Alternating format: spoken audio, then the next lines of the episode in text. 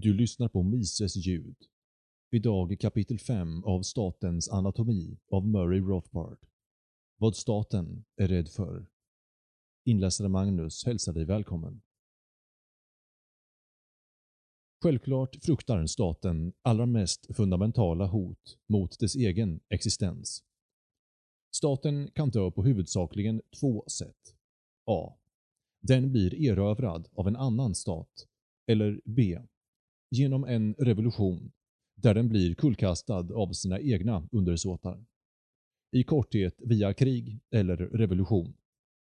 Det finns inget som kan få statens härskare att mobilisera större insatser och propaganda som krig och revolution. De två grundläggande hoten. Som vi tidigare varit inne på får inga medel lämnas oprövade för att mobilisera folket och samlas till statens försvar i tron att de försvarar sig själva. Hur ihålig denna idé är blir tydligt när de som vägrar att försvara sig själva tvingas till att ansluta sig till statens militära gren via värnplikt. Det behöver knappast tilläggas att deras egen stat inte tillåter dem att försvara sig mot detta tvång. I tider av krig dras statens makt till sitt yttersta. Under parollerna värn och nödläge kan staten uttvinga en tyranni mot befolkningen som skulle möta öppet motstånd i fredstid. Krig förser staten med många fördelar. Alla moderna krig har ådragit de inblandade folken ett permanent arv bestående av statliga bördor på samhället.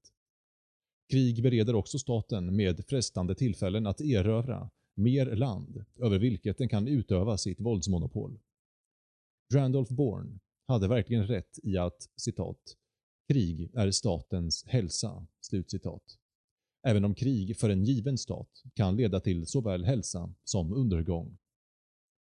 Vi kan testa hypotesen att staten främst är intresserad av att skydda sig själv snarare än sina undersåtar genom att fråga vilken kategori av brott staten är mest ivrig att utreda och straffa. Det som drabbar privata medborgare eller det som drabbar staten. Nästan undantagslöst är de grövsta brotten i lagböckerna inte det mot privatpersoner eller egendom, utan sådant som utsätter staten för risk. Exempelvis förräderi, desertering, smitande från värnplikten, omstörtande planer, mord på härskare samt ekonomiska brott som att förfalska statens pengar eller undvikande av dess skatter. Jämför över den nit med vilken staten förföljer den som attackerar en polisman med den uppmärksamhet som ges åt överfall på en vanlig medborgare. Märkligt nog är det få människor som störs av den uppenbara motsägelsen som bor i denna prioritering av dess egen existens jämfört med hur den sagda existensen motiveras. Kapitel 6 Hur staterna förhåller sig till varandra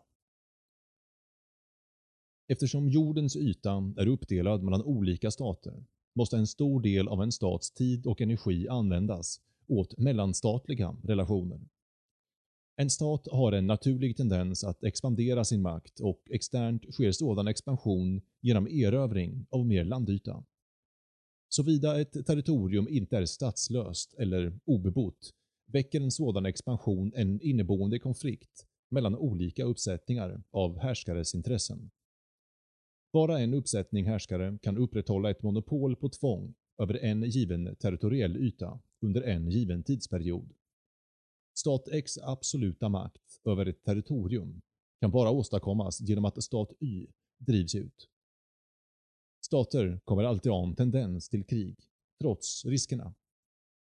Tider av krig kommer växlas med tider av fred och skiftande koalitioner och allianser av stater.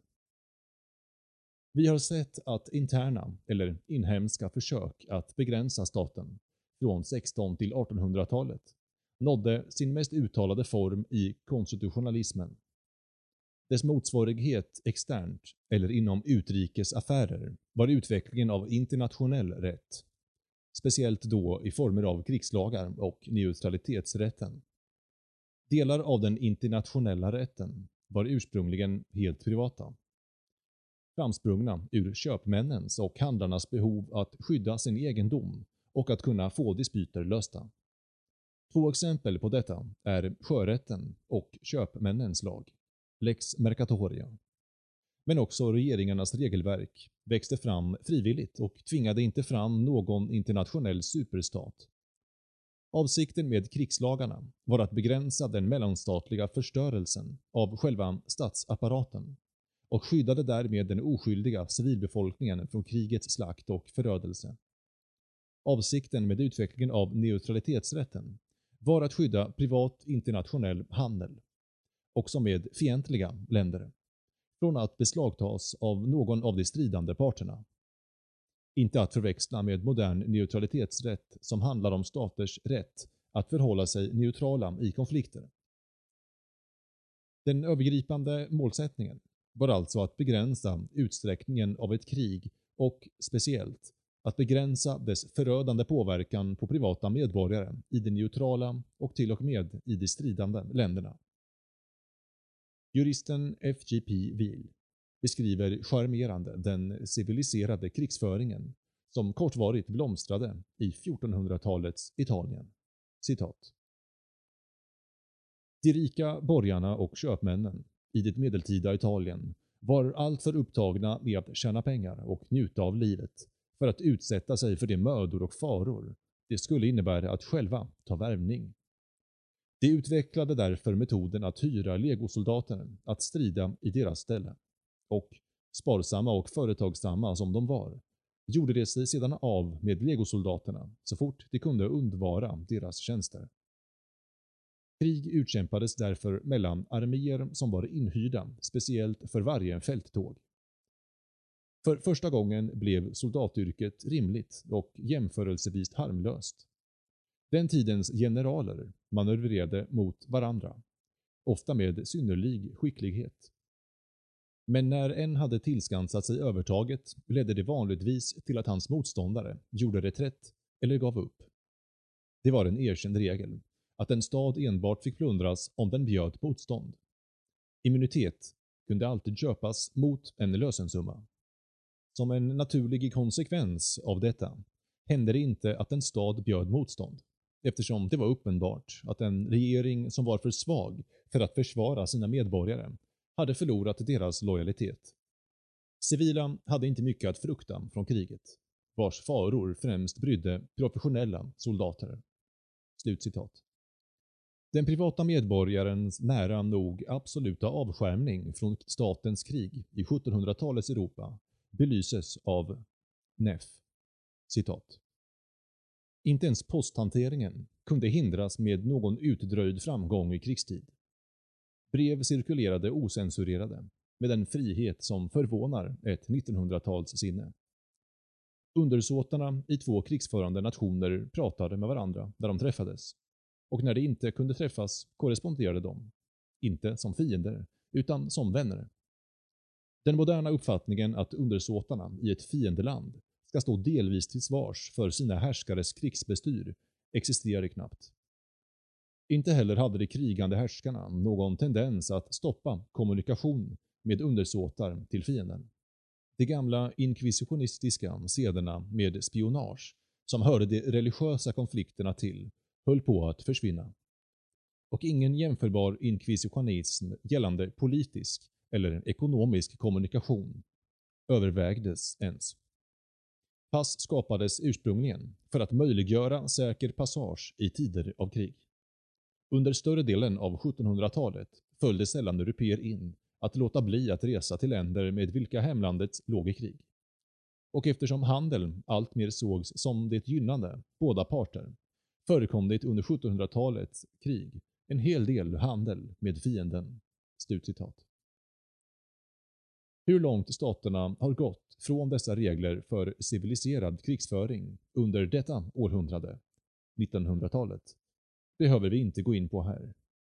I den moderna tidens totala krig, i kombination med teknik som möjliggör total förödelse, verkar själva idén med att hålla krig begränsade till statsapparaterna till och med mer pittoresk och övergiven än den ursprungliga konstitutionen för Förenta Staterna. När stater inte ligger i krig behövs det ofta överenskommelser för att hålla ner friktionen dem emellan. En doktrin som vunnit misstänkt mycket acceptans på senaste tiden är principen pacta sunt servanda, ungefär avtal skall hållas, som ska gälla även för internationella fördrag och inte bara privata kontrakt. Men ett fördrag och ett genuint kontrakt har inget gemensamt. Ett kontrakt överför, på ett precist sätt, lagfarter till privat egendom eftersom en regering inte, i någon anständig mening, äger land kan inte avtal som den ingår behandlas som lagfarter till egendom. Om exempelvis herr Jones säljer eller överlåter sin tomt till herr Smith kan inte Jones arvingar börja driva mål mot Smiths arvingar och hävda att tomten är deras. Lagfarten har redan trätt i kraft.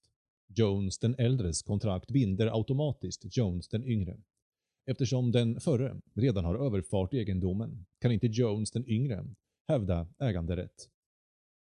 Den unge Jones kan enbart hävda att det han ärvt från den äldre Jones och den äldre Jones kan bara testamentera egendom som han fortfarande äger. Men om, vid någon tidpunkt, regeringen av, säg bondestan, är tvingad till eller rent av mutad av regeringen i Muravien till att ge upp en del av sitt territorium är det absurt att hävda att invånarna i de båda länderna för evigt är förhindrade att hävda att territoriet skall återbördas till bondestan med hänvisning till Pacta sunt servanda. En revolutionär regering som omkullkastat kungen av bondestan kan knappast heller hållas till svars för kungens handlingar eller skulder eftersom en regering inte är, på det sätt ett barn är, en äkta arvvinge till sin föregångares egendom. Kapitel 7 Historien som en kamp mellan statsmakt och social makt. På samma sätt som de två ömsesidigt uteslutande relationerna människor emellan är fredlig samvaro eller tvingande exploatering, produktion eller rovlystenhet, är mänsklighetens historia, framförallt dess ekonomiska historia, att betraktas som en kamp mellan dessa två principer. Å ena sidan finns kreativ produktivitet, fredligt utbyte av varor och tjänster samt samarbete. Och å andra sidan påtvingade krav och predation av de sociala relationerna. Albert J. Nock namngav gladeligen dessa två konkurrerande krafterna som socialmakt och statsmakt. För mer om koncepten statsmakt och socialmakt, se Albert J. Nock, Our Enemy, the State. Social makt är människans makt över naturen. Hans samarbetsvilliga förvandling av naturens resurser och kunskap om naturens lagar, vilket gynnar alla inblandade parter. Social makt är makten över naturen, levnadsstandarden som uppnås när människor genomgår ömsesidigt utbyte. Statsmakt är, som vi har poängterat, parasitisk konfiskering av denna produktion med hjälp av tvång. En utsugning av de frukter som samhället producerar till förmån för de icke-producerande, egentligen antiproducerande, härskarna. Medan social makt är makt över naturen, är statsmakt makt över människor. Genom historiens lopp har människans produktivitet och kreativa krafter, tid efter annan, skapat nya sätt för människan att förvandla naturen till hennes fördel. Dessa har varit de gånger som den sociala makten har skjutit i höjden och växt större än statsmakten. Och statens makt över samhället har därmed minskat drastiskt. Men staten har alltid, med stor eller liten fördröjning, sökt sig till nya områden för att försvaga och konfiskera den sociala makten ännu en gång. Mitt i förändringarna mellan expansion och kontraktion ser staten alltid till att överta och behålla kontrollen över vissa livsviktiga kontrollposter inom ekonomin och samhället i stort. Bland dessa kontrollposter återfinns våldsmonopolet, juridiskt monopol, sina kanaler inom kommunikation och transport, postkontor, vägar, floder, flyg, vattenverk och utbildning för att forma framtidens medborgares värderingar. I det moderna samhället är pengar en viktig kontrollpost.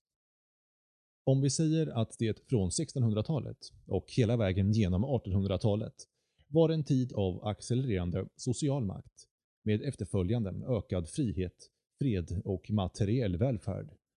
Så som fallet var i många västerländska länder har 1900-talet primärt varit det århundrade då statsmakten hunnit ikapp. Med regression till slaveri, krig och destruktion som följd. Denna parasitiska process där staten hinner ikapp har nästan öppet proklamerats av Karl Marx, som hävdade att socialism måste etableras genom beslagtagning av det kapital som ackumulerats tidigare under kapitalismen. I detta århundrade står mänskligheten återigen öga mot öga med statens virulenta härskarvälde, som nu är beväpnad med frukterna av människans kreativa kraft, som konfiskerats och perverterats för att passa statens egna syften.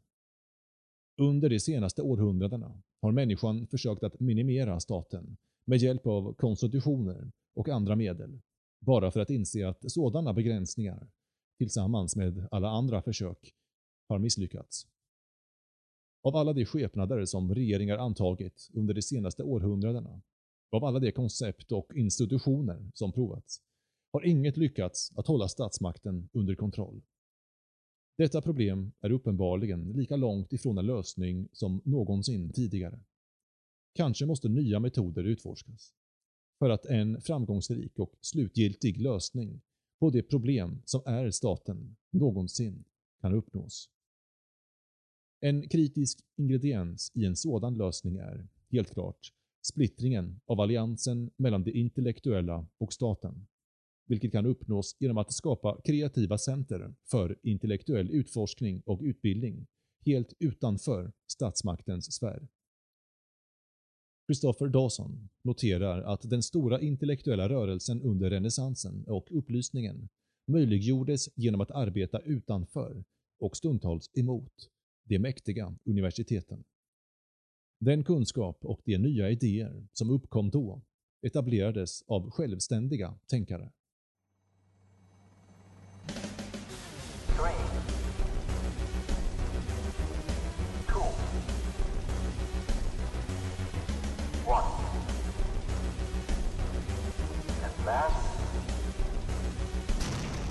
Don't put your trust in politics and political parties.